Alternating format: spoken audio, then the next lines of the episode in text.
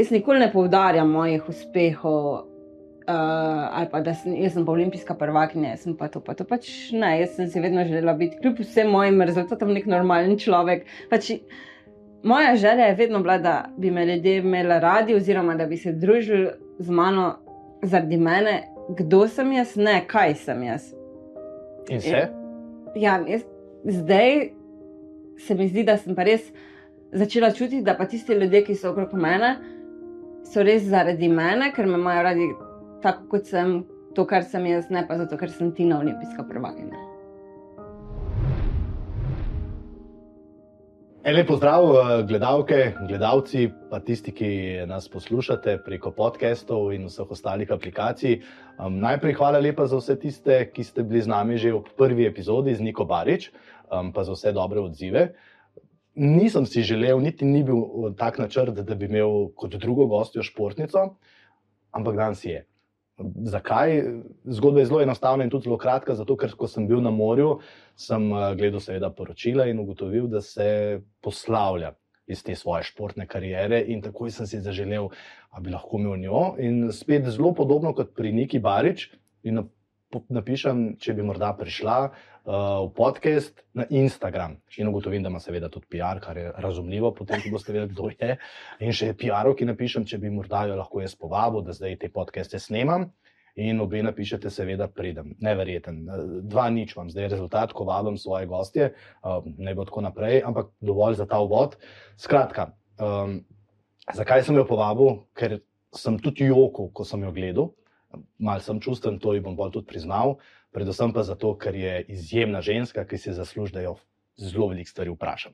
Uh, sem si zapisal stvari, uh, da bo vedela, ne, se pravi, dve olimpijski medalji, zlato medaljo, potem vse mogoče medalje svetovnih evropskih prvenstv, z evropskih iger, ampak naj kar tako začnemo. Tina Trstenjak je današnja naša gostja, Tina, živijo. Bravo. Uh, ja, neč, bom tako rekel kot prniki. Najprej, ful, hvala lepa, da si rekla, pridem. ja, hvala za povabilo, pač prvi, ki si me povabil v podcast. Ja, se to sem bil kar presenečen. Ti si moja druga gostja, uh, ti pa prvič v podkastu, ja. tako da v bistvu ne boš niti vedela, če bo slabo. No. Ne, z mano ne more biti slabo. Vem, vem, zato sem te povabil.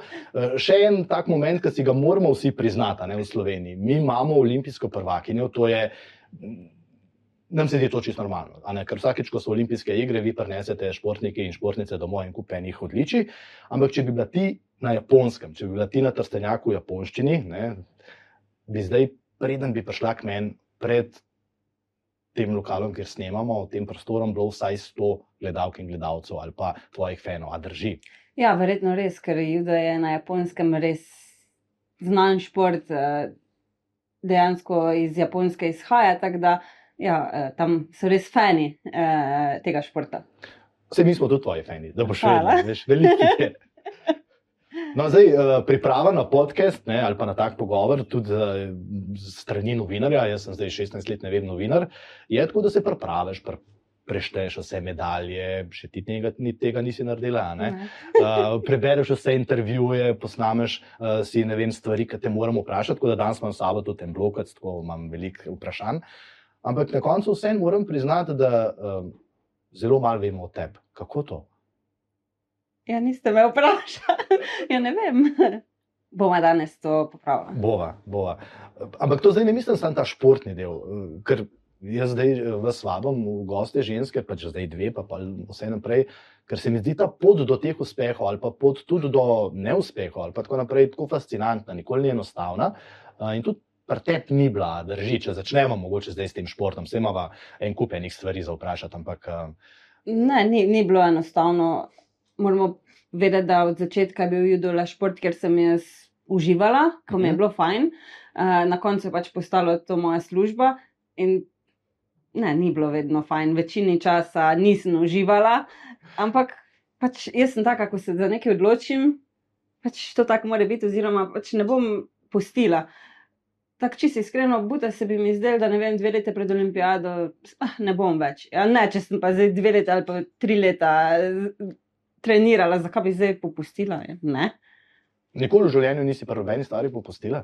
Ja, sem se nahala z čudom, pa sem to ne ve, ne ve. ljudje. 2010 sem jaz bila pripričana, da to ni za mene, jaz bom končala. Uh, jaz sem bila pri mladinkah že kar dosti dobro, dve mladinske medalje iz svetovnih prvenstev, potem pa je bil tisti prehod v člansko kategorijo. Um, imela sem kar velike težave s težo, uh, tako se mi je zdaj pogledam vodo, pa sem imela ne vem, kar dve kile več. no, v glavnem, in sem šla na članske tekme in nisem zmagala več kot eno borbo čez njo. In en, čutila sem preveč pritiska od sebe, od trenerja, od vseh in se kaj, ne, to pa ne, jaz ne bom več. In sem prav spomnim se, je septembra 2010 končala, jaz, to je to pa sem se januarja 2011 vrnila, zamenjala sem kategorijo in potem je pač šlo. Kdo pa je bil tisti, ki te je poklical, da prideš nazaj? Trener. Ampak v mestnem času te je pa pustil? Ne, sam, sam nisem bila jaz glih zainteresirana, sploh se Mhm. nisem ukvarjala s tem, nisem se oglašala niti na telefon. A ja, tako? Ja, pač Aha. ne, jaz ne bom več, jaz, to je to. No, zdaj padel je prvi tabu ali pa ne, prva, prva predstava tebe, ki sem imel vedno mnenje, da ti pa nisi upornica. Ne. Sej, dejansko sem jaz bila, ali pa sem še neka pridna Tina, ki sem vedno dobro sledila navodilom, eh, tudi eh, neka pravila sem vedno upoštevala. Ni, niso imeli nekega dela z mano. No. Tam, ko si me postavil, tam sem bila. Potem pa 2016, a ne, a si takrat kdaj rekla, o, dobro, da sem se vrnila. Ja, dejansko sem, sem se večkrat spomnila na to in sem tako sama se rekla. Hvala Bogu, ne, da sem se vrnila, ker verjetno bi bile moje poti čist, čist drugačne. Kam bi te pa odpeljal? Nimam pojma. Dejansko, če me vprašaš, kaj sem tiste štiri mesece delala, ne vem, nič kaj. Pač. Aha. Verjetno nisem vedela točno, kaj bi sama sabo. Zdaj, ko sem pogledal, kaj so uh, osnovne sestavine juda, ali je v redu, če rečem judo, ali moram reči judo. Kakorkoli, oboje je pravilno. Bom rekel judo, se mi zdi tako bolj domače. To sem si lepo zapisal. Osem vrlin je, ne? Ali jih je več, a se Je- motim. Ne, jih je osem, zdaj pa zelo. Pogum, spoštovanje, ponižnost, prijateljstvo, čast, iskrenost, pa samo kontrola. Ali je to to? Ja, Okay. Uh, pa če se vrnemo čisto nazaj, ko si ti začela z judom, uh, si bila pač mlada punca, ne? takrat se ti kile, pa to neč ne šteje. Ne, ne. drži. Kaj te najprej naučijo? Zavezati pas ali- ali je res kaj drugega? no? Jaz mislim, da mene so najprej naučili zložiti copate, pa se prikloniti, ko greš v telovadnico, nekega reda, pa discipline. Pa ja, itak zloči, zložiti kimono, zavezati pas to. Pa sem se pa stvari naučila skozi igro. Dejansko meni je bil judo zelo všeč, ker smo se mi veliko igrali, ampak ogromno sem se naučila. Jaz sem pred judom začela s plavanjem in sem oboje trenirala, ampak ko se mi je začel moj prekrivati, sem se za nekaj mogla odločiti. In v tistem primeru je pa pač judo prevagal, ker mi je bilo bolj zabavno, bolj mi je bilo všeč. No, se to sem hotel vprašati, zakaj judo, kako se dekelca odloči, da bo ona zdaj ne vem, metala druge dekelce po tleh. A, Čist eh, nenačrtno. Mhm. Nisi, niti nisem vedela, kaj je to judo. Meni je bilo zelo fascinantno, da ko smo se mi vsak vikend pelali mimo kluba, ker so moji stari starši bili zaživeli, da je bilo tam ogromno avtov parkiranih. To je pač, jaz to vsak vikend gledam in sem potem enkrat starša vprašala, kaj je tam. In sta mi povedala, tam pa trenirajo judo. Uh, in jaz seveda tako navdušena, da jaz bi tudi to ne. Uh, in sta rekla, ja, ja, naslednji teden te peljemo in je en teden minil, pa nič. A? Pa gremo naslednji vikend. Pa sem jaz vprašala, no, kaj pa zdaj, ne, sta pozabila in sta res mislila, da bom jaz pozabila, jaz nisem in sta me potem enkrat res peljala. Moram pa povedati to, da mi smo imeli v naši družini eno pravilo, da jaz, če se za en šport odločim, ali mi je všeč ali ne, eno šolsko leto moram hoditi. Aha. Ja, to je mama rekla, da ti se lahko odločiš karkoli, ampak eno šolsko leto boš hodila, ne glede na to. Ampak po olimpijadi v Rio mi je pa priznala, veš, tudi če bi se ti odločila, da pa ne boš, ker nismo ti niti hoteli kimone kupiti, pa to. Tako da tudi če bi ti rekla, da ne, da pa jaz pa ne bom več, bi ti kar pustila, veš. Zdaj malo goljufam, zato ker smo preden smo že, uh, prižgali kamere, malo klepetala, ne, pa si mi izdala, da v resnici, ko si pa hodila na judo, pa ti sploh ni šlo najboljše. Ne? Ne, jaz, ko sem bila na začetku svoje poti, meni sploh ni bilo pomembno, ali jaz zmagam ali ne. Mhm. Uh, prav spomnim se, imeli smo novoletni turnir v klubu. Jaz sem leta 98 začela, septembra, imeli smo za ta božič, pa to nek turnir. In starši niso bili tam, prišli so me iskati. In jaz sem prišla z medaljo in zelo vesela. Ne? In sta me vprašala, no, kako je bilo, full fine, dobila sem medaljo, kaj pa zmagala si tudi kaj? Ja, to pa ne. Tako da, ja, ne, na začetku je, sem bila zadnja ali pa sem bila tretja od štirih. Zato, ker si želim, da bi skozi pogovore s takimi ženskami, kot ste vi, ki še bodo, ali pa kot si ti, pa Nika, tudi mogoče starši dobili kakšen nasvet. A je prav tako, da damo otroke v šport, pa od njih ne zahtevamo že to prvo leto, ko v bistvu se igrajo, kot si ti rekla, naj se igrajo. Ne jih ne usmerjamo, že ti pa moraš domov prenesti medaljo, tudi potem, ko zmagaš. No? Ja, jaz mislim, da da ja, in da marsikdaj se zgodi, da starši hočejo svoje neke želje, pa cilje uh, skozi otroka doživeti, in si otrok tega sploh ne želi. Tako da, ja, pustimo jim, da uživajo, uh, ker dobro je, da se ukvarjajo, ne glede s katerim športom, ampak uh, šport je le nekaj da. In, uh, in motoriko, in neke fizične sposobnosti, po drugi strani pa tudi, jaz sem se ogromno naučila, uh -huh. red, disciplina, Vsi vemo, šport je dober. Hm. Zakaj te niso dali morda v, vem, v glasbeno šolo? Ja, ker me je vedno samo šport zanimalo. okay. Nič druga. Ampak zdaj, ko malo bo presekvala, zdaj, ko si se poslovila, ne, uh -huh. pri 32 letih si šla v športni pokoj, ja. da smo bolj natančni, nisi upokojen, ker kot dobro upokojen, ker tako dobro zgledaš, še nisem videl. uh, si pa vsem pela, ne, to pa je ena glasbena vrlina. Ja, uh, dajmo reči, da se mi je uresničila otroška želja, eh, ker na moji zabavi so me moje prijateljice, Bipop Ladies, presenetile in so zapele. Uh mhm. -huh. In dejansko, no, sem tudi jaz malo zapela z njimi. Hvala Bogu, da sta Lenka in Tinkara tudi pele, da se me ni slišalo tako zelo, ampak jaz sem uživala. No, pa si v osnovni šoli smo tudi vsi pele, nismo. Eni ste, mogoče. Jaz nisem, ker eh, me je moja učiteljica glasbe, uh, ne bom rekla, vrgla iz, iz pevskega zbora, ampak na lep način mi je rekla: Tina, prosim, če zapustiš pevski zbor, ker blundaš. In moje sanje so bile uničene. In potem si šla v šport in odločitev je bila prava. Eh, ta tvoja poslovilna zabava je bila prav simpatična. No? Eh, že ko berem vem, naslove o Tini Trstenjak, vso piše, da si tako zelo preprosta, preveč ponižna sem nekje prebral.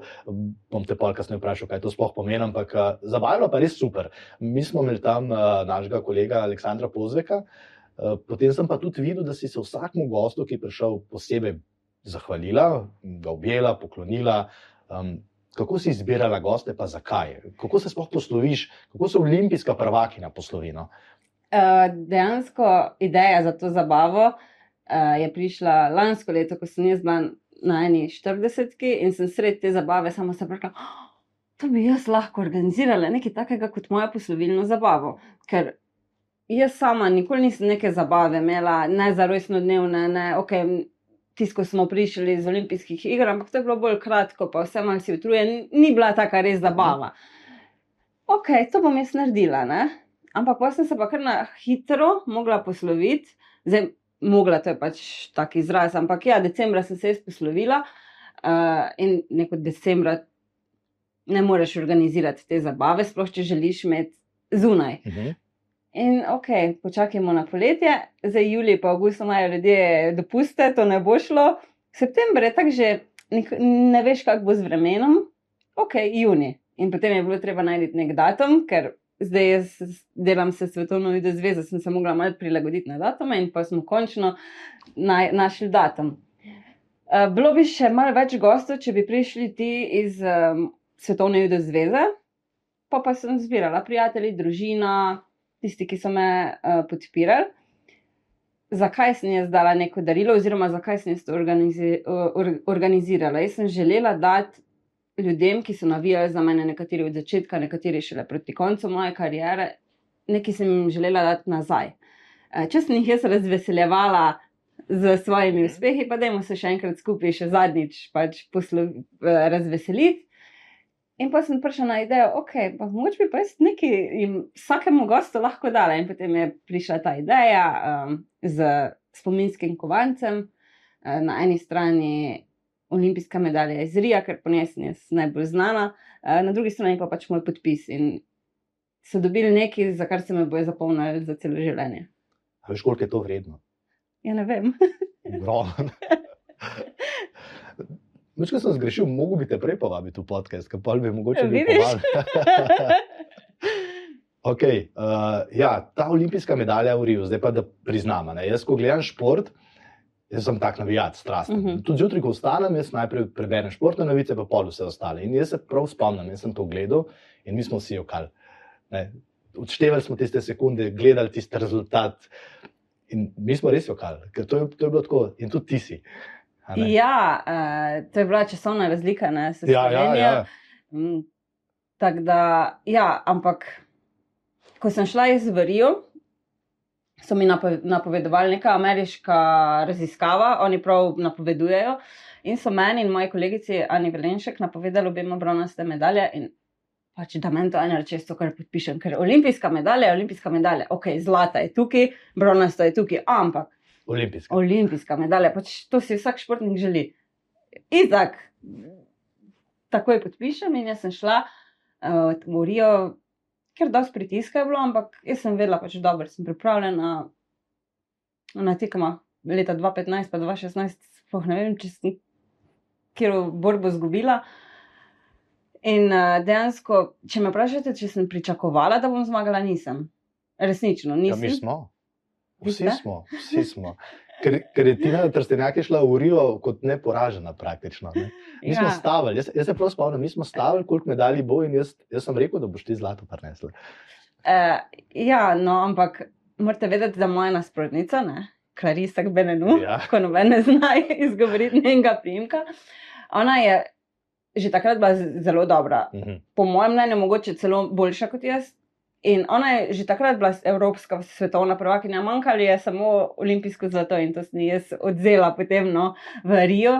Ampak vseeno, ko smo mi dve prišli v finale, 90% ljudi iz judo sveta je stavilo na njo, ker prvo, kar je bila, je bolj izkušena, imela je boljše rezultate in potem prije neka slovenka tam in zmaga. A je to vem, največji dosežek, osebni dosežek v tvojem življenju? Po moje je, zdaj, če pogledamo po športni plati, je po moje največji dosežek to, da sem bila Evropska svetovna olimpijska prvakinja naenkrat. Ja. Ja. Uh, to le redkim uspe. Um, v Rio s- sem je, za mojo olimpijsko medaljo sem postala šele osma športnica oziroma športnik na svetu v judo od začetka olimpijskih iger. To je od leta 1964. Wow. To je res redko in jaz mislim, da to je res največji dosežek. Drugi, pač moj osebni, je pa po moje ta, da me vse te olimpijske medalje, vsi rezultati niso spremenili. Ja, sem se vizualno spremenila, tudi bolj sem odprta, ampak še, neko, še vedno imam neke vrednote, pa to je ostalo enako. No, pač, Mhm. tako da. Škaj, zdaj mi daješ toliko enih poti, kam lahko grem. Ampak mogoče to, kar si rekla, zdaj sem bolj odprta. Res je, eh, ko sem te takrat, se mi zdi, da spraševal, ker seveda mi, novinari, potem vse, eh, vse dobitnike medalja ne, imamo na teh vklopih. Tako kot si ti rekla, vsi vas hočemo tiste dva dni, vse te sprejemi so seveda v Ljubljani, pa v domačih krajih, vi ste seveda utrujeni, ampak takrat jaz dobim tri minute s tabo. In vsi imamo isto vprašanje. Ja. A je grozen. pač, ko bi se vse kdo spomnil, da bi me kaj druga vprašal, ne pa samo, kako se počutite, ne glede na to, ali sem zmagala ali sem izgubila, je bilo vprašanje. In kako je bilo danes na tekmi, in kako se počutite, pač vedno eno in isto, pa vse televizijske hiše isto. Zdaj se v imenu vseh upravičujem, ne vem, če sicer bodo drugi se s tem strinjali, ampak mi smo tudi pod časovnim pritiskom, moramo čim več ne, hecam se, hecam se. Uh, zdaj bom povabil žona, mi dva tukaj sediva tako v takem malo osebnem ambientu, on pa nama ponavadi prenese, oziroma tako sem si jaz zaželel, da bi vedno mojim gostem prinesel tudi kakšno, uh, kakšen koktejl, njim pisan na kožo. Uh, športnice, športniki ne pijejo, razen ko pijejo. Kako pa je z alkoholom pretepno? Uh, ja, jaz v času moje aktivne Mhm. kariere nisem pila. Da, če tu zdaj neštejem zraven eh, za novo leto, ko nazdraviš, pa za res dan, ko nazdraviš. Kaj pa po zmagi, naprimer v Riju, a ste nazdravili? Niste, a ne? Ne. Aha. Pa tudi pol, ko sem prišla domov, ja, se je bila zabava, se je bil sprejem, sem. No, veš, to, to je to, kar sem prej rekel, da mi odpiraš to poti. Ta trenerska vzgoja, o tem bova veliko Bova, ne. govorila. ne? Ampak, ok, vprosti. Ja. Ja, in no, zdaj pa, ja, tu pa tam, eh, če je pač neka priložnost, da je dobra družba, pa ja, zakaj pa ne. No. Dobro, Dobro smo otvorili tale pogovor, uh, daleč od tega, da si ti uh, zaprta uh, oseba, tako super simpatična in imam res veliko vprašanj. Sem res vesel, da si prišla za to, žon, prid, da nama nekaj zmešaš, uh, pa bo pa mi da stino nadaljevala. Ja, zdravo. Zdravo. Sej neki ja, prej smo sne, začeli snemati, smo se neki malenkost pogovarjala, zdaj pri nam je ponavadi tako, da ja, dosti gostov, ki pride, v bistvu niti ne vejo, kaj bi pil. Jaz sem tudi jaz. uh, zdaj načeloma jim sicer pokažemo sezonsko karto, ker imamo gor pač za tekočo sezono uh, signature pijače. Uh, Ampak tako- za Tino mora biti nekaj posebnega. Ja, to sej, mora biti. Seveda. Sej, Kar sej- koli, sej- sej bo- samo da ne bo granjko. da ne bo grenko. Pa ti pa še bolj uh, kislo, sladko, kakšna kombinacija, da v katero smer bolj seže. E, bolj sladko kot kislo. Bolj sladko kot kislo. Sam ne preveč sladko. Sam Ne, ne pa preveč sladko. Ja, Okay. Ja, jaz sicer imam nekaj v mislih, a si na karkoli alergična. ne. Ne. Razen na vprašanje, kakšna? kako se počuti. Tako da, ko boš prinesel, jo ne bom vprašal, kako se počuti. prav. Zmerno. Hvala lepa, za me pa kar klasiko. No? Klasiko. Ja. Ja, hm, prodaj, prodaj ima ene, dve, Rum. tri- Ja, z- nekaj z z- rumom. nekaj z rumom. Tako. Zmerno. Odkar imam hčerke, praktično ne. Zdaj pa, odkar snemam tukaj, pa ja. Ja, ne, nekaj tazga. Hvala lepa. nekaj klasičnega z rumom, pa za, za tajemo pa tudi misli. Super. Hvala. Hvala. Hvala. Uh, ja, no zdaj pa tako. Začnemo morda pri tvojih starših. A Okay. je bil tvoj trener nadomestni starš, pa ne zato, da ona dva ne bi bila, ampak ko beremo, ne, kako v judu ta pravila, ta strogost, vse to deluje, imamo občutek, da tisti, ki ima glavno besedo, je bil vsaj v vašem klubu ali v slovenskem judu dolg časa. Marja Marjan, Fabijan. ja, Fabijan. Ja. Ja, eh, dejansko bila sem z njim več kot svojimi starši. Če že gledamo priprave, je bil on tam, treningi, eh, dva treninga ali pa tri treninge na dan. Plus tega moramo se zavedati, da moja starša sta hodila v službo, torej mi smo se ponavadi videli samo zvečer. Eh, Tako da ja, imel je zelo veliko vlogo tudi pri moji vzgoji. Kot sem že prej re- rekla, nek red in disciplina. Mhm. To sem se pridobila v klubu. A je, zdaj mi, fanti, veljamo za bolj močne, ne? pa, da ne jokamo, pa gremo na trening, pa nam pač mogoče za- zaženemo kakšno plastenko v koš ali pa kam drugam. Kako je pa pri puncah? Um, ker vse ta red in disciplina ni enostavna, saj pri Marjanu, tako smo slišali. No? Uh, tisti, Ja. ki ga ne poznajo ali pa ki ne spremljajo Juda, Marjan je svetovno znana. Trenerska zvezda, ki ga častijo na japonskem, zato sem na začetku naredil ta uvod, to Ja. pomeni, da ga ni višjega kot je Marjan in on je poskrbel za te uspehe pri nas, ampak vedeli pa smo, da tudi on je doskrat povedal, da to lahko uspe zgolj, če sledite njegovim navodilom. ne. Ja, zato pa jih ni veliko. Uh, ne bom rekla uspeh, uspehov je kar dosti, ampak ljudi, ki bi to Sledili. sledili ja. uh, moramo vedeti, štiri punce, šest olimpijskih medalj in vse te medalje samo iz enega kluba, edina medalja v judo. To nekaj govori. Da ste nekaj prav delali. Ne? ja, uh, drugače pa. Ja, uh, težko z njim, pa ne gre brez Brez njega. uh, ja, ampak ti, če slediš njegovim navodilom, eh, pravilom, Koliko je to enega odrekanja? Ne znamo si predstavljati, vse veš. Mi športnike gledamo, ko zmagujete, eh, vas kritiziramo, ko ne. Um, si ne predstavljamo pa, kaj je vse čas v pripravah na te tekme. No?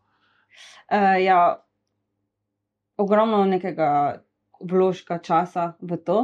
Uh, je pa res, da ti, če se za nekaj odločiš, boš vse posvetil temu. Uh, jaz, recimo, nisem bila ne na maturanskem plesu, ne na maturancu, ampak to se mi je zdelo v tistem času čist normalno za mene, ker sem pač imela druge prioritete. Uh, to je, nimaš ti vedno časa za družino, za prijatelje. V življenju nisem šla ven na nek koncert, pač nič, dejansko sem živela v nekem svojem mehurčku. Uh, trening domov, hrana, trening domov, spanje. Ampak prej si rekla, sam pogledala sem vodo, ko si bila še mlajša, pa Ja. se mi zdelo, da sem dve kili dobila. V kategoriji do 63 kg si bila. Ne? Ne, to sem bila do 57, Aha. ker sem pri mladinkah sem bila v nižji kategoriji uh, in zato sem tudi potem prestopila in je bilo dosti lažje, no, ker sem okej, dejansko lahko nekaj pojedla, pa popila. Prav si imela, kaj lahko ješ, koliko lahko ješ? Ne. Uh, če je naš trener res veljal za strogega, je bil pri vsem strog, samo pri hrani In dejansko on je vedno rekel, pač jejte, kar hočete, oziroma tudi če je to čokolada, to pomeni, da vaše telo to potrebuje, pojejte. mhm. Uh, ni nam uh, nikoli, da bi nam neko hrano prepovedoval. Um, je pa zagovornik tega, da pač vse je pač v hrani, da ni, ni pa zagovornik dodatkov. Recimo sama, pa tudi ostale punce, uh, nismo imeli nobenih um, dodatkov, do mogoče dva meseca pred olimpijado. Sem, nas je pelal zdravniku, so nas pregledali, ok, njihovo telo potrebuje to, to pa to. Mhm. In potem smo te dodatke imeli dva meseca pred olimpijado, pa potem spet ne. Kakšni so to dodatki, da ne bo kdo zdaj mislil, da ste bili na dopingu? Ne, ne, ne. Vse, kar je dovoljeno. Uh, pač jaz vem, da imamo ogromno športnikov v Sloveniji, uh, profesionalnih, neprofesionalnih in že ti neprofesionalni se obnašajo kot profesionalni in jemljajo od proteinov, aminokislin, kreatina, ne vem kaj. Sama kot profesionalna športnica tega nikoli nisem imela. Mhm. Mogoče dva meseca pred olimpijado. O teh stvarih govorimo, dovoljenih. Ja, ja, ja, sej, sej. Sem raje vprašam, da ne Ja, bo kdo. ja, ja. Ne. Okay. A si jokala kdaj? Ne po tekmi, pred tekmami, na treningih, po treningih. Ja, eh, po moje pred olimpijado verijo zadnji mesec, eh, vsak dan, ko sem šla iz treninga. Ker dejansko je bilo zelo naporno.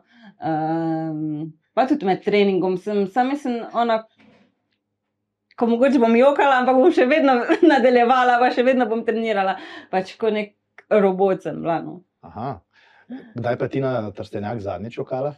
Na poslovelki? Ja, ko se je odvrtel moj uh, filmček oziroma video o meni. Eh, Nažalost ga ne morem pokazati, ali pa tako, ampak povedala si mi, o tem bo tudi če govorila, kje zdaj delaš, da so pripravili video s tvojimi posnetki, ko si bila še čist majhna. Uh -huh. Ram, edin prvih pet let manjka. Ja, ker pa kasneje sem vprašala mami, zakaj pač imamo šele samo od 2003 posnetke. Je Rekla, ja, takrat se smo ugotovila, da pa mogoče pa splača kupiti kamero. Tako da ja, nimam nobenih posnetkov, imam slike od, ko sem bila mlajša, ampak od 2003 na vsaki tekmi, kjer sta me spremljala, moja starša, kjer sta navijala za mene.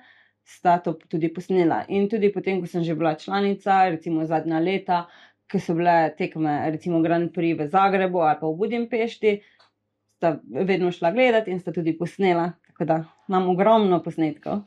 Zdaj, koliko se spremeni, ko starši dobijo hčerko kar naenkrat uh, in ta postane profesionalna športnica? Koliko se njuno življenje spremeni, ti vikendi, vožnja na treninge? Jaz mislim, da je njuno življenje se je spremenilo takoj, ko sem začela trenirati judo.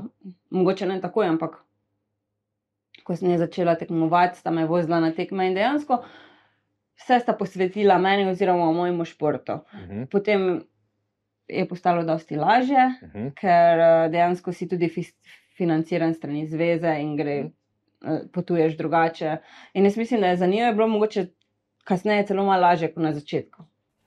Evo, izvoli. No, se pričujem, Ja, ja, ja. ja. tole je pa zmoto pogovor, to je pa nažalost narava mojega dela. Uh, zdaj, uh, tole je pijača, ki smo jo naredili za lansko letni Valentinov meni, se mi zdi. Uh, Imaš pa na osnovi džina, uh, sirupa iz uh, IPA piva, Ja, pravi, super. uh, pivo spremenimo v sirup, Ja, ja. limonin sok, malinin pire, pa pasteurizirane beljake, da imaš lepo kremno teksturo po vrhu. Načeloma je pa po okusu tako, tako nekako, kar si opisala, tako da res upam, da ti bo všeč. Zdaj, tematsko je pa za uh, Gregorja tudi koktejl, ki ima noter pivo. Res A, je. pa uh, tamen rum, uh, kraken, Guinnessova redukcija, limona, ničkan sim pa sirup, pa, pa tako beljaki. Tako da, ne, upam, da vam bomo všeč. Hvala lepa. Hvala. Hvala. Hvala. Uh, ujema se s tvojimi nohtki, pa da to, se to vidi. Že zgleda odlično, tako No, da ne evo. dvomim. Tisti, ki ne gledajo ali pa sam poslušajo, bom zdaj rekel, seveda pitje alkohola odsvetujemo in tako. Ta del je zelo pomemben, ampak pa še pa se mi zdi, da je tako stvar tukaj med nami in tako uh, intimen del. En dodatek smo se malo zmislili, no, čestko. Uh, ja, zdaj bo morda še eno vprašanje glede Marjana. Vem, da smo potem ga spremljali, ko je šel en na romanje. ja. uh, kam se pa ti obračaš, ko rabiš, ne vem, ne vem, imaš Boga, imaš knjige, kaj je tisto, kam, kamor ti pobegneš, no? uh, ampak kam, kamor prosiš, da se ti nekaj zgodi, kar si zaželiš. Obstaja kaj takega. Pač, niti ne, res da zdaj prej nisem tako veliko brala, zdaj pa kar dosti berem, ampak so mi všeč te, um, kako bi ti rekla, ko delaš na sebi, uh Mhm. -huh. te knjige. Uh, drugače pa jaz sem bila v svoji karieri zelo vraževirna. Pač, oh. Ne vem, če to ljudje vejo, ampak uh, ja, itak sem imela dve kimone, eno modro, pa eno belo za tekmovanje, samo ne. In uh, potem pa jaz sem mogla imeti vse stvari iste, pač na vsaki tekmi iste. Od nogavic, spodnega pila, bele, ker imamo, imamo bele majice, majice. Uh, točno posebej za tekmovanje, ker se mi je zdelo, če bom jaz to pozabila, da jaz ne bom mogla dobro tekmovati in da ne bom zmagala. Se nisem vedno zmagala, ampak to je meni prinašalo srečo. Ampak, ko sem se odločila, ok, zdaj pa je to za mene, sem si izbrala nekaj drugega, kar mi bo prinašalo srečo Mhm. in je pač tisto postalo moje srečno ali pa no. Tako da ja, sem zelo, zelo vraževerna. Ampak jaz nikoli nisem pozabila, ker sem zelo organiziran človek in uh, če ne pozabljam. Zdaj nisi več vrežverna. Mm, jaz zdaj ne tekmujem več, ne rabim Ne srečne aha, no to. kimone, pa Okej. srečne majice. Pa. Zdaj si dobila novo zaposlitev in to zelo pomembno zaposlitev. Uh, zdaj Dve. si v bistvu dve. Okay, greva najprej prvi, to je mednarodni. Dej. Jaz se sta obe mednarodne. Okej. Kar povej.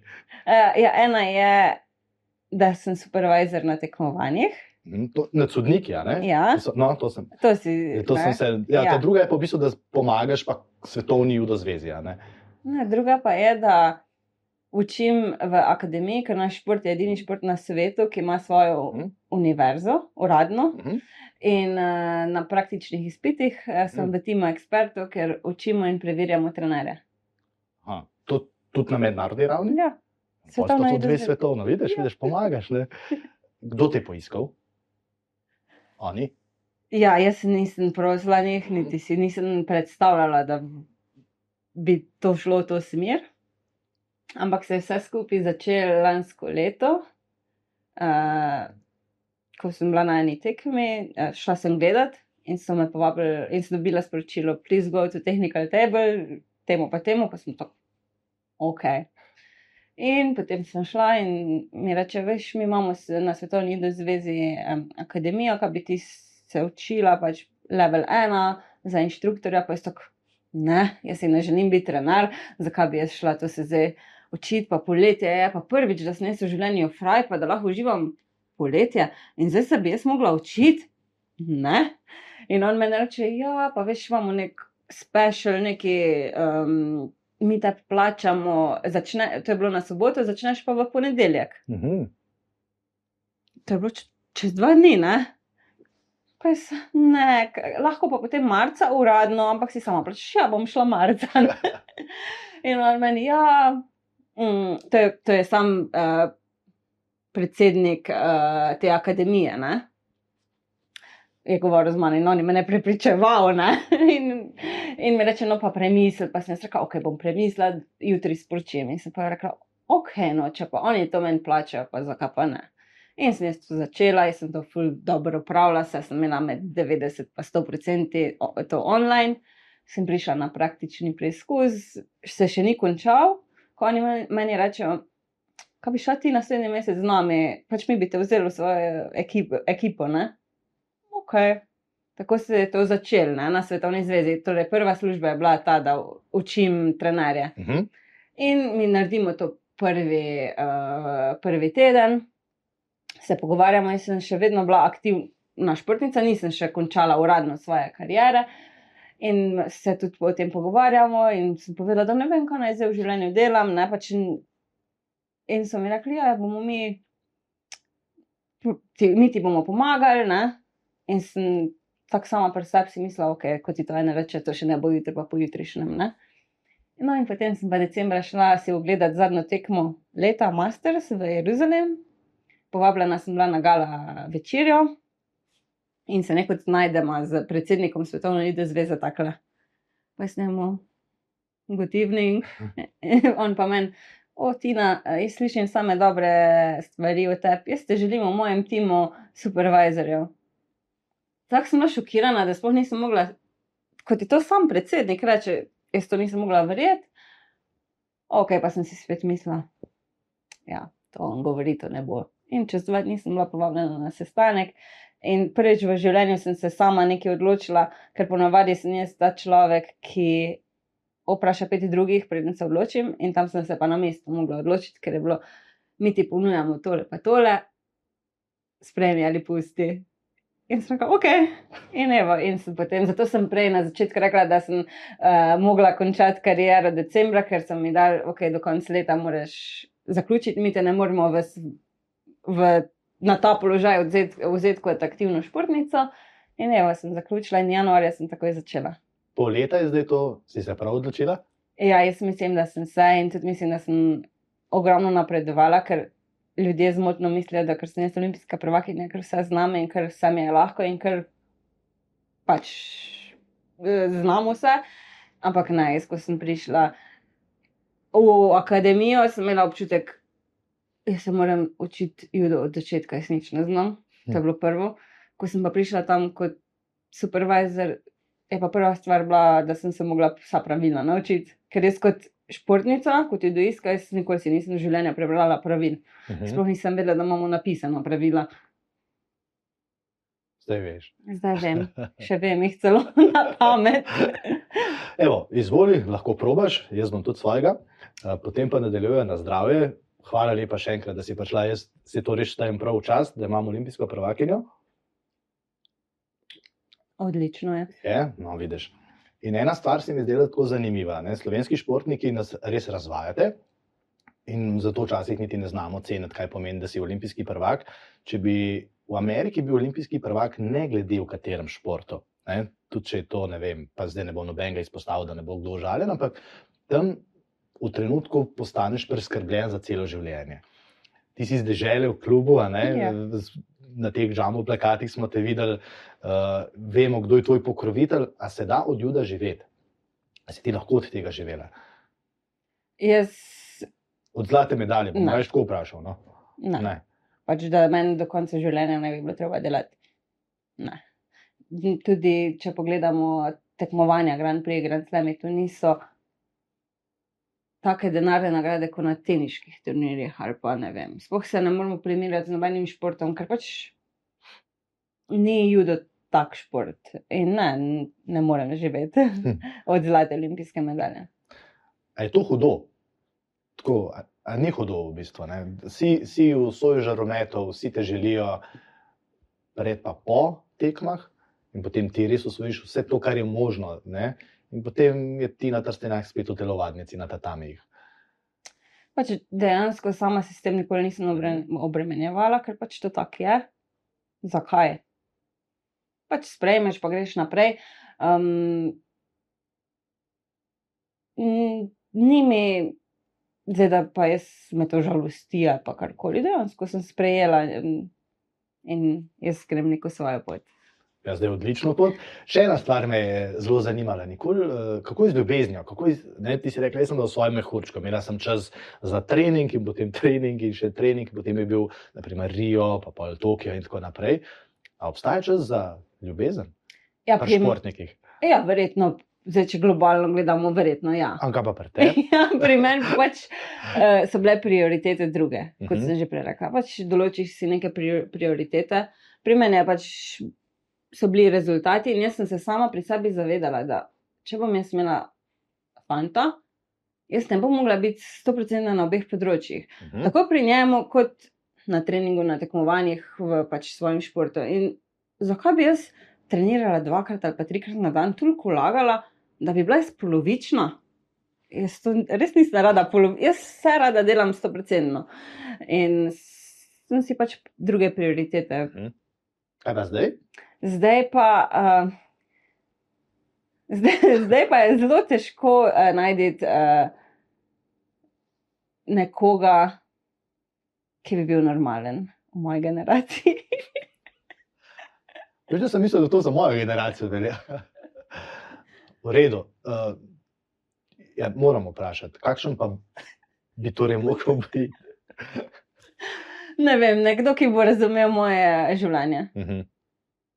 Kar je precej težko, ker Ker je bilo tako in zdaj je tako. Ja, in tudi Aha. uh, jaz sem tak, kar težek karakter. Pač, ja, ni najlažje živeti z mano. Ker kaj zjutraj pospraviš poslo kot vojak, potem se Ja, to tudi. postavi. Pri meni je vse pospravljeno doma. Aha, Ampak ne, nasplošno. Um, jaz sem tako močen karakter, Mhm. res. Uh, ko se za nekaj odločim, to tako mora biti. Uh, ena velik perfekcionizem mhm. in zelo hitro znam biti razočarana nad sabo in tudi nad drugimi, če nekaj ni tako, kot Mhm. sem si zamislila. Tako da ja. Kaj te je pa zadnjič najbolj razočaralo? Imaš, se spomniš, kaj je ta zgolj, kar si rekla, Madonca. To je tako.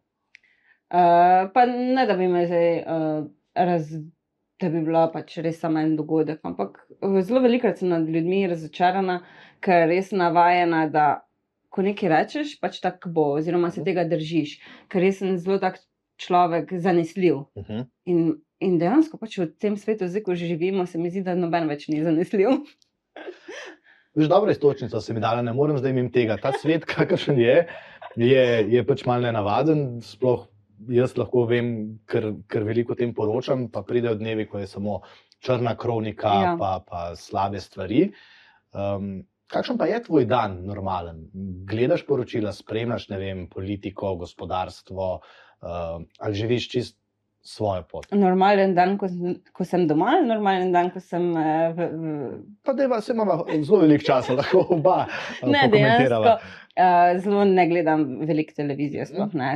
Moji doma me hecajo, da imam televizijo samo za goste, Uh -huh. ker je, sploh se ne spomnim, da bi prižgala televizijo. Tako da um, ne spremljam Uh -huh. nekih televizij, poročil, kar zvem na kakih socialnih omrežjih. Tako da včasih se mi zdi, da tako malce zaluno živim, ker pač bolj pozno pridejo stvari do mene. A pa je to slabo? Ne, ne, niti Ni. ni, ker se manj obremenjuješ z stvarmi. Okay.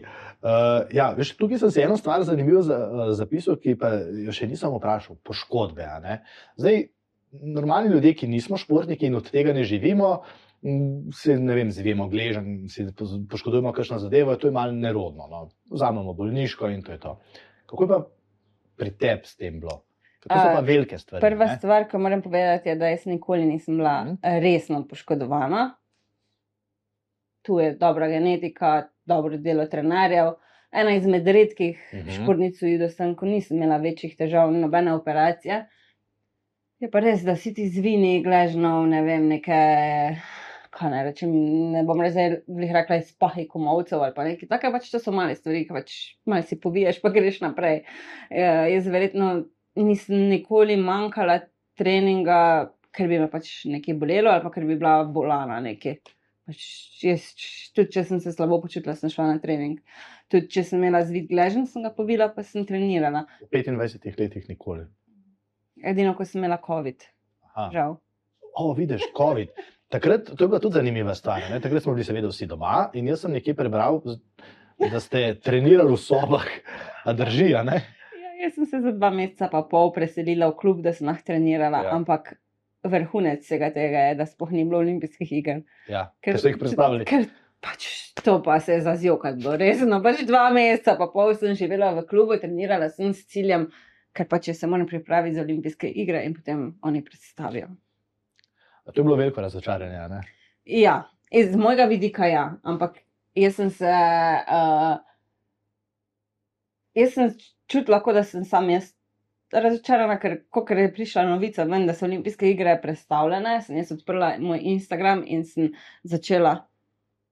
Vsi so bili ful srečni, vsi športniki, vsi duisti, vsi, kar sem jih jaz ljudi imela na Instagramu. Vsak post je bil, kako so veseli, da imajo eno leto za priprave več. Jaz sem se počutila tako razočarana in potem, hvala Bogu, sem govorila s to mojo kolegico Klariski, ona je rekla, joj, meni je tudi tako. Ne, pač nismo bile, mi, mi da edine nismo bile vesele. Ker pač iz mojega vidika je to predstavljalo eno leto trpljenja več. pač dejansko treningi niso bili užitek. Pač, ja, jaz sem bila poklicna športnica, to je bila moja služba, uh, imela sem cilje olimpijske medalje, ampak morate se zavedati, da to ni nekaj, kar ti je full fajn na treningu, pač da full uživaš. Ne, pač to je trpljenje. Čakaj, ti si rekel, da si se tja preselila, tam si jedla, spala. Ja, spala sem, jedla, trenirala, dva meseca pa pol nisem šla domov. Dva meseca pa pol si bila ob tatamiju. Ja, ker v našem klubu pač so tudi sobe za uh -huh. ljudi, ki pridejo. In v tistem času smo bili samo moj trener, ki pač tam živi, ker ima pač hišo z družino. Uh, jaz, ena druga, ki med tednom drugače je živela v klubu, za vikend je, je hodila domov, ker je ni bila iz celja. In uh, še en trener, ki je zelo blizu kluba, tako da ja, pet ljudi. Neverjetno. In potem si šla v Tokio, kjer pa ni bilo gledalcev. Je bilo, Ja. je bilo hudo, je Ne. bilo drugače. Ne, ker uh, jaz načeloma, ko sem tekmovala, nisem slišala Aha. nobenega, samo trenerja in mi sploh ni bilo važno, ali se ljudje derajo ali je tišina.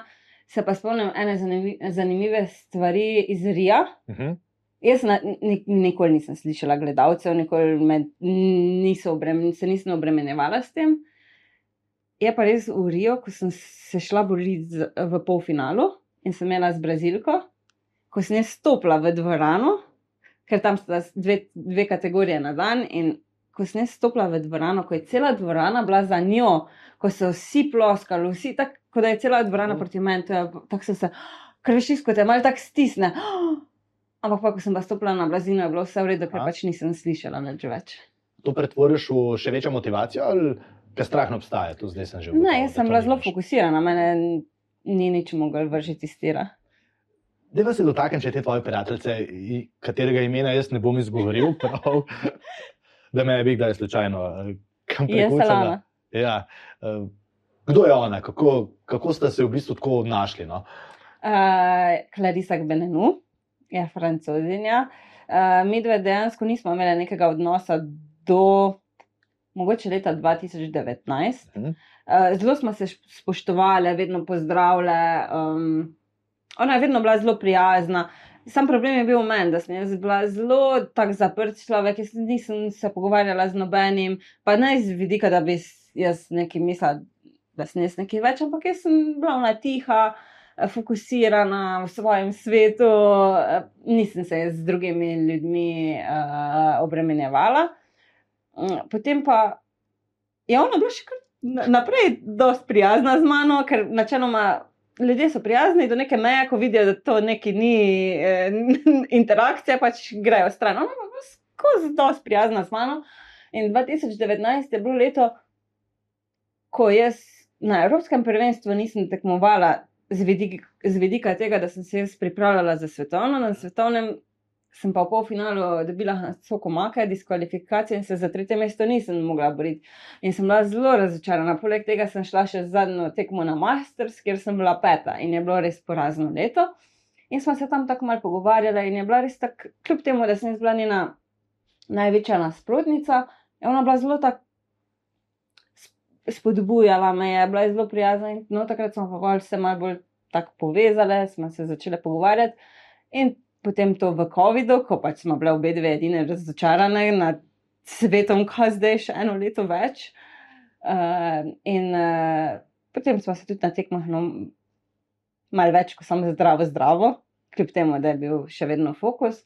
Uh, po olimpijadi, oziroma že na olimpijadi, smo se pa dogovorili, ja, pač, da bomo se bolj družili. Zdaj se kaj obiskujete? Uh, lansko leto je ona prišla mene Hm? obiskati, eno leto prej, uh, 2021, sem jaz šla njo v, v Pariz. Zelo je malo teže, ker ona še vedno tekmuje, pa uh, otroka ima, ampak smo na zvezi, vemo, kaj se dogaja druga z drugo. Je to največ, kar si, tako, kar se tiče socialnega omrežja, potegnila ven iz Juda? Uh, Ali imaš tudi doma ogromen Ne, teh um, sotekmovalk? Uh, to je v moji kategoriji, kar je za nekatere ljudi je to zelo težko razumljivo, da smo mi dve lahko prijateljici, pa tekmujemo v isti kategoriji, pa ne samo to, je največja nasprotnica. Um, drugače, zato sprašujem, ker to se mi zdi tako fascinantno. Ja, to je ampak- redko. No? res, pač mi dve res spoštujemo drugo drugo in ona je bila moja res naj, največja nasprotnica, ampak tudi druga, druga smo izvale s tem, oziroma smo napredovali druga zaradi druge. Um, imam pa še eno prijateljico, ki je iz Brazilije. Uh, ampak ni bila v isti kategoriji, zato pa smo res lahko tako zelo dobre prijateljice, ker drugače to ne bi šlo. A ste se kdaj pomerili na tatamiju? Uh, ja, na treningih, Aha. ampak tam je pa prevladala mal, njena teža, ker je ena kategorija uh, više in ja. okay. Vemo, kak je bil rezultat. Uh, veliko krat te vprašamo, uh, vem, da si ti nek tak sonce za tam mlade otroke, ki bi radi bili judoisti, judoistke. Je to naporno ali je to odgovornost ali je to nekaj, kar je super, da pride skupaj s tvojim, zdaj lahko rečemo, nekdanjim poklicem? No? Jaz mislim, da je nek vzor. Da je super in uh, zelo odgovorno, po mm. drugi strani. Ampak ja, če sem lahko bila nek vzgled v času moje aktivne kariere, mm. s vsemi svojimi rezultati, bi tudi zdaj rada uh, bila nek vzgled, da s trdim delom se tudi v drugi kari karieri, da je možno, da uspeš.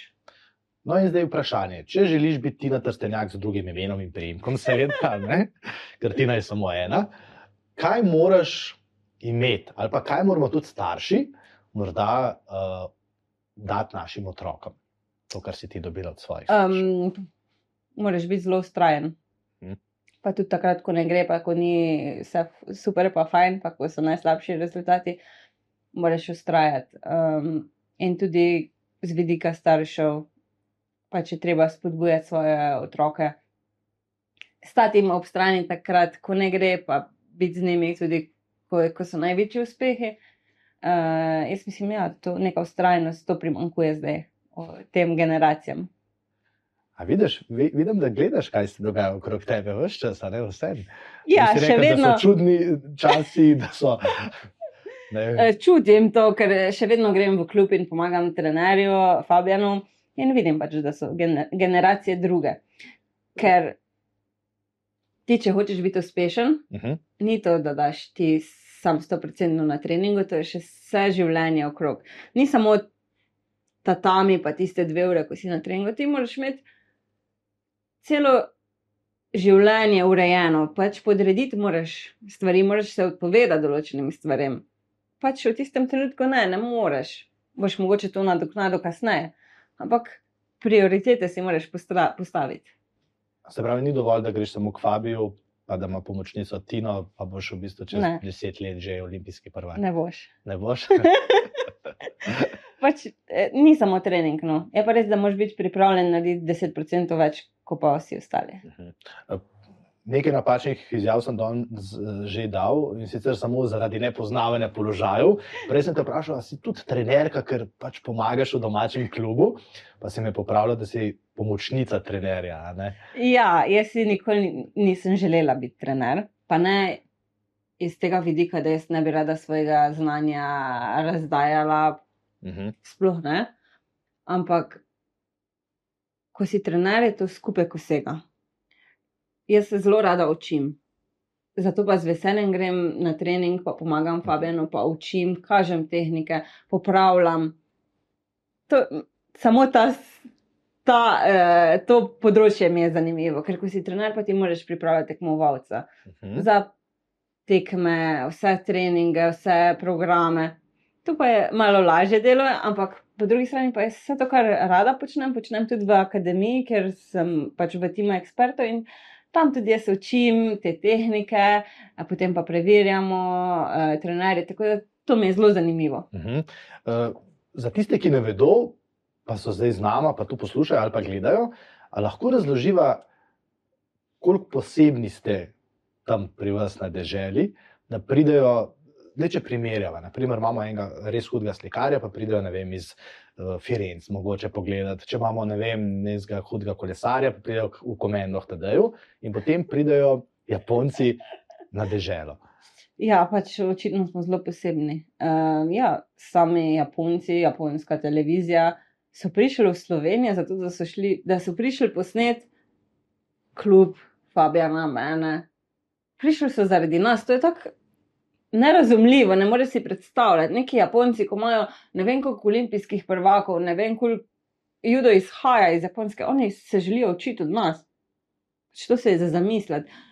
Tudi jaz čutim, da jaz, ko grem v tujino, sem veliko bolj cenjena, kot pa doma. Ampak očitno tako je. uh, mogoče sam ne znamo pokazati, veš, ali pa povedati. Kje bo ti na trstenjak, ne vem, čez deset let? Ne vem, pa me imaš kdo, me je zdaj že to Vem, ja, zdaj, zdaj vsi to času. sprašujemo, a ne? zdaj je bila ta prelomnica, ampak Ja, eh, želim se izobraževati na tem Mhm. področju, ker zdaj delam. Uh, mogoče, ker nisi omenil, sem naredila tudi izpit za sodnico letos, uh -huh. uh, sicer za kontinentalno, naslednje leto grem za international. Uh, rada bi se izobraževala na, na, na vseh področjih juda, ker judo ni samo biti tekmovalec in pa trener. Ogromno drugih stvari je. Zdaj sem recimo en mesec nazaj naredila izpit za kato za drugi dan. Uh, želim si narediti vse izpite, ne vem, šest, recimo za šest različnih kat. Uh, želim se izo- izobraževati na drugih področjih, tako da moja želja je, da bi bila uspešna tudi v drugi karieri. Kam me bo pa to pripeljalo, oziroma kje je pa meja, pa kdo ve. veš, ko bomo delali te dokumentarne filme o teh uspehih eh, naših športnic in športnikov, a bomo takrat potrkali na vrata Akademije Tina Trstenjak? Po moje ne. Ne. Ne vem, nisem razmišljala o tem. Um, Zaenkrat zelo uživam v tem, kar delam. Nikoli pa ne veš, kaj ti prinese. Rekla si, da te nisem vprašal za to sodnico, drži, nisem te niti vprašal. Nekje sem prebral, da tudi sama ne veš, koliko medalj imaš. Naprimer, eh, a se to zgodi potem, ko judo postane ali pa katerkoli šport del tvojega življenja in je tega pri takih fenomenih, kot si ti, to moram pač povedati, pa večkrat v tem pogovoru omenjam, eh, da v bistvu gledaš samo naprej, neč več nazaj. Ja, mogoče res, uh, ampak tudi jaz nikoli nisem trenirala juda zaradi medalj. Ok, so prišle z- zraven. Še, še danes ne vem, koliko imam vseh skupaj medalj in pokalov, ker včasih. A imaš kakšno posebno polico ali omaro ali kovček. Ne, jaz sem se lansko leto maja preselila od tam, ker sem živela starši v svoje stanovanje in sem sabo- seboj vzela samo olimpijske medalje. Uh -huh. Zdaj sem še prinesla tri zlate iz evropskih, pa zlato iz svetovnega, tako da te medalje imam doma, vse ostale so pa pri mojih starših uh, v vitrini, ampak nikoli jih nisem preštela. Vse vsi vemo, za tiste največje. In zdaj, če se malo spomnim, kaj vse si mi že povedala, vse tisto, kar se zgodi prej, pele do tja, da prideš do, do olimpijske, naprimer, zlate. Ja, medalje. uh, po nekih stopničkah. Jaz mislim, da velik problem, problem današnjih generacij, da bi radi preskočili določene stvari. Ampak enostavno vsi smo nekje začeli in nihče ni bil od začetka že vrhunski. Stopnička po stopničko in potem pripeljete do nekih rezultatov. Drugo leto je Pariz, ne, olimpijske igre, če ja. se ne motim. Se pravi, ti si bila uh, v Riju, pa potem v Tokiu, a boš pa to pa kaj pogrešala? Jaz sem bila tudi v Londonu, sicer Mhm. nisem tekmovala, ampak sem bila tam in jaz mislim, da je London, da zaradi tega, ker sem bila jaz v Londonu, sem lahko v Riju bila tako fokusirana samo na tekmovanje. Uh -huh. Pariz je zelo blizu. Jaz bom vse naredila, da bom dobila vstopnice, ker to jaz ne vem, če bo še kdaj v življenju olimpijada tako blizu. ne. Mm, In se res veselim. No. Jaz imam bratranca, ki teče na 400 metrov, ravno zdaj se je vrnil nazaj po hudi poškodbi. In smo mu vsi obljubili, da v Parizu bomo šli z avti tja. Ne, da to, to, um, Ja, jaz se zelo veselim, res, resnično upam. Vem, da je zelo težko dobiti vstopnice za ta tekmovanje, sploh uh, Francija ima nek čuden sistem. Uh, mogoče mi bo zdaj ta moja služba na svetovni zvezi kaj pripomogla, uh, drugače pa res uh, zelo si želim videti to v živo. Če ne boš pa moja novinarka, sicer ne vem, kako bomo Pomočnik. to naredili, ampak bomo dali pomočnik novinarja, pa bomo oba prosila za karte na Olimpijski zvezi. No, zdaj smo približno eno uro, nimam občutka, koliko časa govorila. A se ti še vedno zdi, da Tina Trstenjak je bolj taka eh, zaprta, pa da ne pove veliko? Ne, vse sem se popravila na začetku, ko še nisva imela oklopljenih kamer, uh, da zdaj malo več govorim, kot sem prej. Um, ko sem se peljala sem, sem razmišljala o tem, kako bom jaz govorila eno uro.